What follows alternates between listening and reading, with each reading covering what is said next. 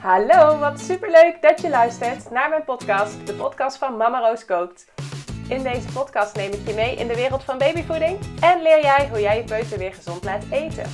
Zo weet jij hoe jij je kindje de beste start kan geven en kunnen jullie als gezin genieten van gezellige etentjes samen. Mijn persoonlijke verhalen als mama van drie meiden, maar ook mijn achtergrond in psychologie, voeding en onderwijs hoor je terug in de verhalen van deze podcast. Veel plezier met luisteren! Vandaag uh, ga ik het hebben over de papfles. En ik krijg daar regelmatig vragen over van um, cursisten, maar ook van mensen um, die me volgen. Uh, ik kreeg nou uh, deze week daar weer een vraag over. En um, dat was een, een, moeder van een babytje van vier maanden. En die vroeg mij: Ja, ik krijg in mijn omgeving te horen dat ik de papfles moet gaan geven s'avonds voor het slapen gaan. En dat mijn kindje daar misschien beter van door gaat slapen. En uh, wat denk jij daarover? Zij was zelf eigenlijk niet zo enthousiast over het idee, maar ze had het en bij het consultatiebureau gehoord en in haar omgeving werd het ook benoemd.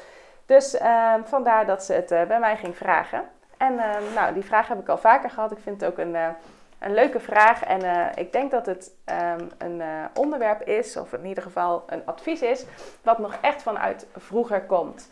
Um, toen ik zelf jong was, bijvoorbeeld, ik heb nooit de papfles gekregen, maar om mij heen uh, gebeurde dat wel.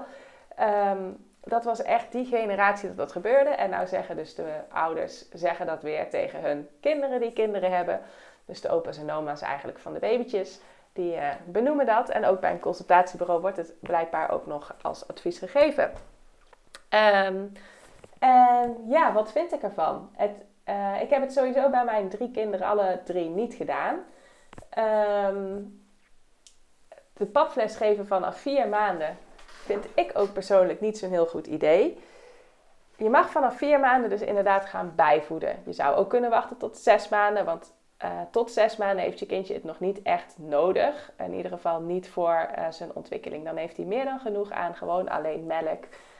Um, of dat nou borstvoeding is of kunstvoeding, dat is allebei ja, gewoon toereikend genoeg voor de voedingsstoffen die hij nodig heeft voor zijn ontwikkeling.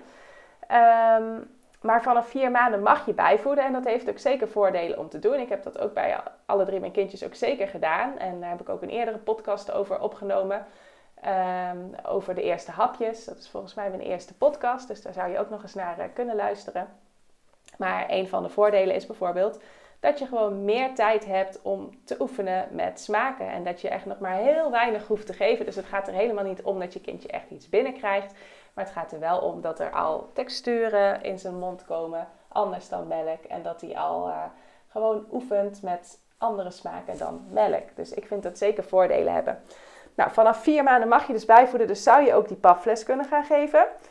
En um, wat ik dan, waarom ik er dan niet zo enthousiast over ben, is dan op dat moment dat je bij kunt gaan voeden, moet je dat echt heel, heel, heel rustig doen.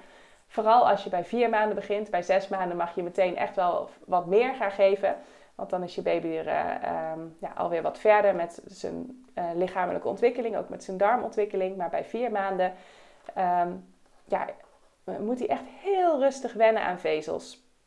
Dus je kunt echt nog niet veel geven in dat begin. Dus een paar hapjes babyvoeding is echt uh, meer dan genoeg in het begin. Het gaat er gewoon echt puur om dat hij dan dus die smaak proeft. Um, en ja, als je dan met granen gaat beginnen, dat zijn helemaal niet producten waarmee kindjes moeite hebben. Um, en waarom begin ik dus met groenten en met fruit? Omdat dat vaak producten zijn waar, ja, die super belangrijk zijn voor de gezondheid van een mens en van een kindje. Uh, maar die vaak niet het meest lekker gevonden worden. Denk maar eens aan peuters, die willen vaak helemaal geen groente meer eten bijvoorbeeld. Dus dat is echt iets wat je moet leren eten. Dus die tijd van vier tot zes maanden, uh, als je eigenlijk nog helemaal niet veel mag geven voor de darmontwikkeling. Dus ik mag echt nog maar, moet heel rustig die vezels op gaan bouwen. Die zou ik dan veel liever besteden aan groente en aan fruit. Want dat zijn de producten waar, um, ja, waar, die echt heel belangrijk zijn voor de gezondheid en waar vaak ook wat moeilijkheden mee komen. Bovendien, als je kindje van een lepeltje gaat eten, dan is hij daarmee ook al een beetje zijn mondmotoriek aan het trainen. Dus dat heeft ook in die zin ook nog uh, positieve waarde. Dat is weer goed voor de spraakontwikkeling later, maar ook voor het andere eten wat hij straks moet gaan eten. Dus als hij bijvoorbeeld zes maanden is, dan mag je hem ook al een beetje brood gaan geven, een broodkorst bijvoorbeeld. Dat gaat ook weer makkelijker als hij al wat heeft geoefend van een lepeltje af te eten. Een papfles geef je daarentegen gewoon in een fles. Ehm, daar heb je trouwens wel een andere speen voor nodig. Hè? Dus dat kan niet met een gewone uh, speen zoals je de melk uh, erin geeft. Maar ehm, daar heb je een speen voor nodig met een, wat ja, een grotere uitgang, zeg maar, zodat die pap er ook echt doorheen kan komen. Uh, maar daardoor heb je geen andere mondmotoriek dan ehm, met zo'n lepeltje. Dus dat vind ik ook nog heel positief aan die eerste hapjes en juist minder positief aan het geven van een papfles. Nou, ehm, daarnaast is er, uh, wordt er vaak gezegd van dat babytjes beter door gaan slapen als ze een papfles hebben gehad. En dat is ook de motivatie van veel ouders om die papfles te gaan geven. Maar dit is nooit bewezen. Dus het is echt een fabeltje. Ehm, en misschien zijn er kindjes bij wie dat zo werkt, maar op grote schaal wetenschappelijk is dit niet aangetoond. Dus je hebt, ehm, als je naar grote groepen baby's gaat kijken, is er geen verschil in te zien of ze nou wel of niet een papfles krijgen. Een babytje gaat gewoon uh, doorslapen als hij daaraan toe is. En uh, niet uh, of hij nou wel of niet die papfles krijgt. Dus daar zou ik het ook zeker niet voor gebruiken. Um, ja, en wat er dan ook nog geadviseerd wordt, is vaak om te beginnen met rijste, um, rijstebloem. En dat is omdat rijstebloem um, wat minder vezels bevat dan andere graansoorten waar je uh, pap van zou kunnen maken. Dus zo kunnen die darmen van je babytje ook iets rustiger wennen zeg maar, aan die vezels dan wanneer je met een andere papsoort zou uh, beginnen. Maar rijstebloem is ook weer niet goed om elke dag aan je babytje te geven.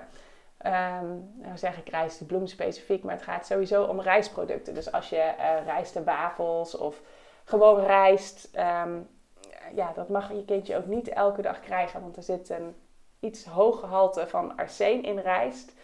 En uh, dat is helemaal niet erg om af en toe uh, dus binnen te krijgen. Maar elke dag arsen binnenkrijgen is gewoon niet goed voor je babytje. Um, dus vandaar dat het ook echt wordt afgeraden om elke dag rijsteproducten te eten. Maar ja, hoe doe je dat dan als je vanaf vier maanden je babytje mag gaan voeden met een papfles? En eigenlijk wordt ook geadviseerd om dat met rijstebloem te doen. Dan zijn dus toch veel ouders geneigd, um, ook omdat dit advies nog niet zo heel lang bekend is Um, maar om dan uh, rijstebloem pap te maken en dat dan elke dag aan je babytje te geven. Nou, dat, daar ben ik dus zeker niet voor. Dus als je toch kiest voor die papfles, kies dan verschillende soorten um, graan eigenlijk om die pap van te maken. En dan het liefst wel licht verteerbare soorten. Dus wissel een beetje af, zodat je kindje niet elke dag die, uh, die rijstebloem uh, binnenkrijgt.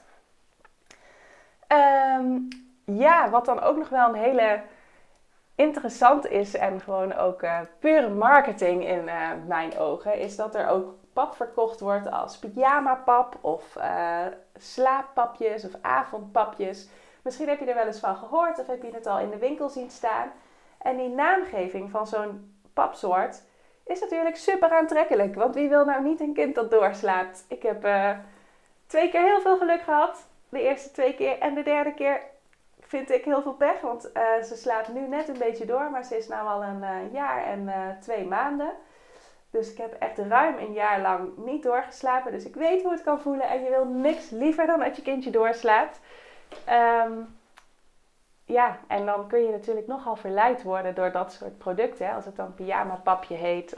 en je hebt ook nog ergens zo'n zo'n associatie gehoord met... Nou, daar gaat je kindje misschien wel van doorslapen ja, dan kun je daar heel enthousiast van worden. Maar nou ja, wat ik al zei, het is dus nooit wetenschappelijk bewezen dat je kind daar ook echt beter van gaat doorslapen. Dus ja, um, dat is echt een fabeltje. Pyjama pap is een product wat vaak iets makkelijker is in de bereiding, omdat daar vaak al wat um, melkpoeder of zo in zit. Dus dan hoef je er alleen maar water bij te doen. Maar verder is het gewoon precies hetzelfde als gewone pap. Het enige wat ja, wat, wat echt best wel treurig is eigenlijk dat het gebeurt. De Consumentenbond heeft daar een onderzoek naar gedaan. En dat is ook dus bij de pyjamapapjes vaak het geval. Dat er gewoon al toegevoegde suikers in dit soort producten zitten. In die kant-en-klare uh, papsoorten. Uh, de Consumentenbond had een onderzoek gedaan. Ik geloof nu dat er zat ze 27 papsoorten hadden onderzocht. En dat daarvan 11 papsoorten geen toegevoegde suikers hadden.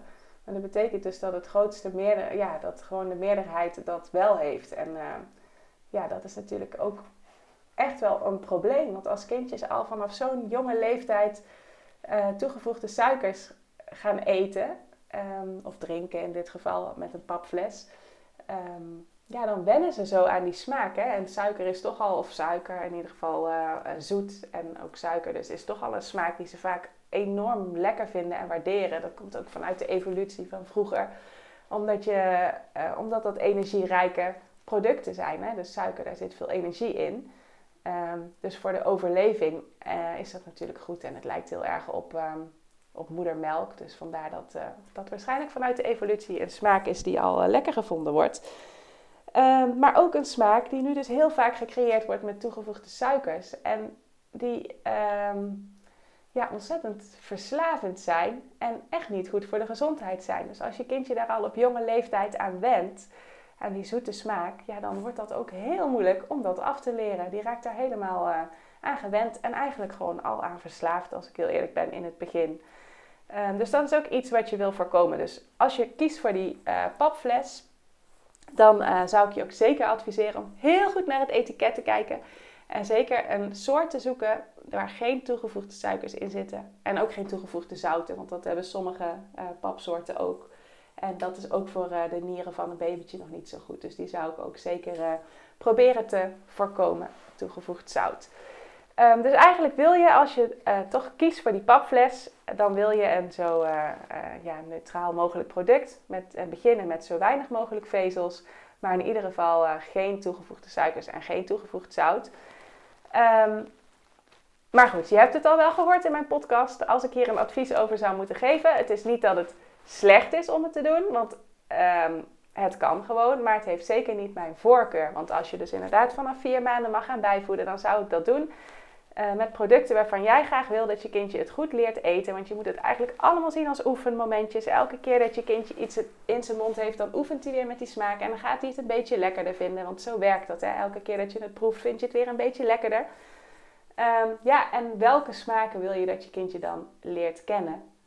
En um, ja, dan ben ik toch wel heel erg voor groente en voor fruit. Want dat zijn uh, gewoon super belangrijke producten voor de gezondheid. Dus ik zie dat uh, echt als oefenmomentjes. En bovendien krijg je dan ook gewoon, kun je veel rustiger die vezels opbouwen. Want bij een papfles uh, heb je meteen behoorlijk wat vezels te pakken of behoorlijk wat voeding. Waardoor die darmpjes toch wel een stuk meer moeten wennen dan wanneer ze gewoon hapje voor hapje echt met hele kleine hoeveelheden kunnen gaan wennen aan vaste voeding.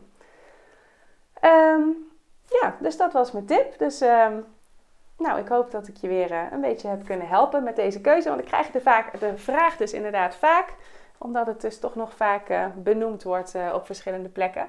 Vooral door opa's en oma's, maar ook blijkbaar bij het consultatiebureau wordt dit advies nog wel eens gegeven. En um, nou, ik hoop dat je weer uh, met deze informatie weer een, een keuze kan maken zelf van past dit wel of past het niet bij me.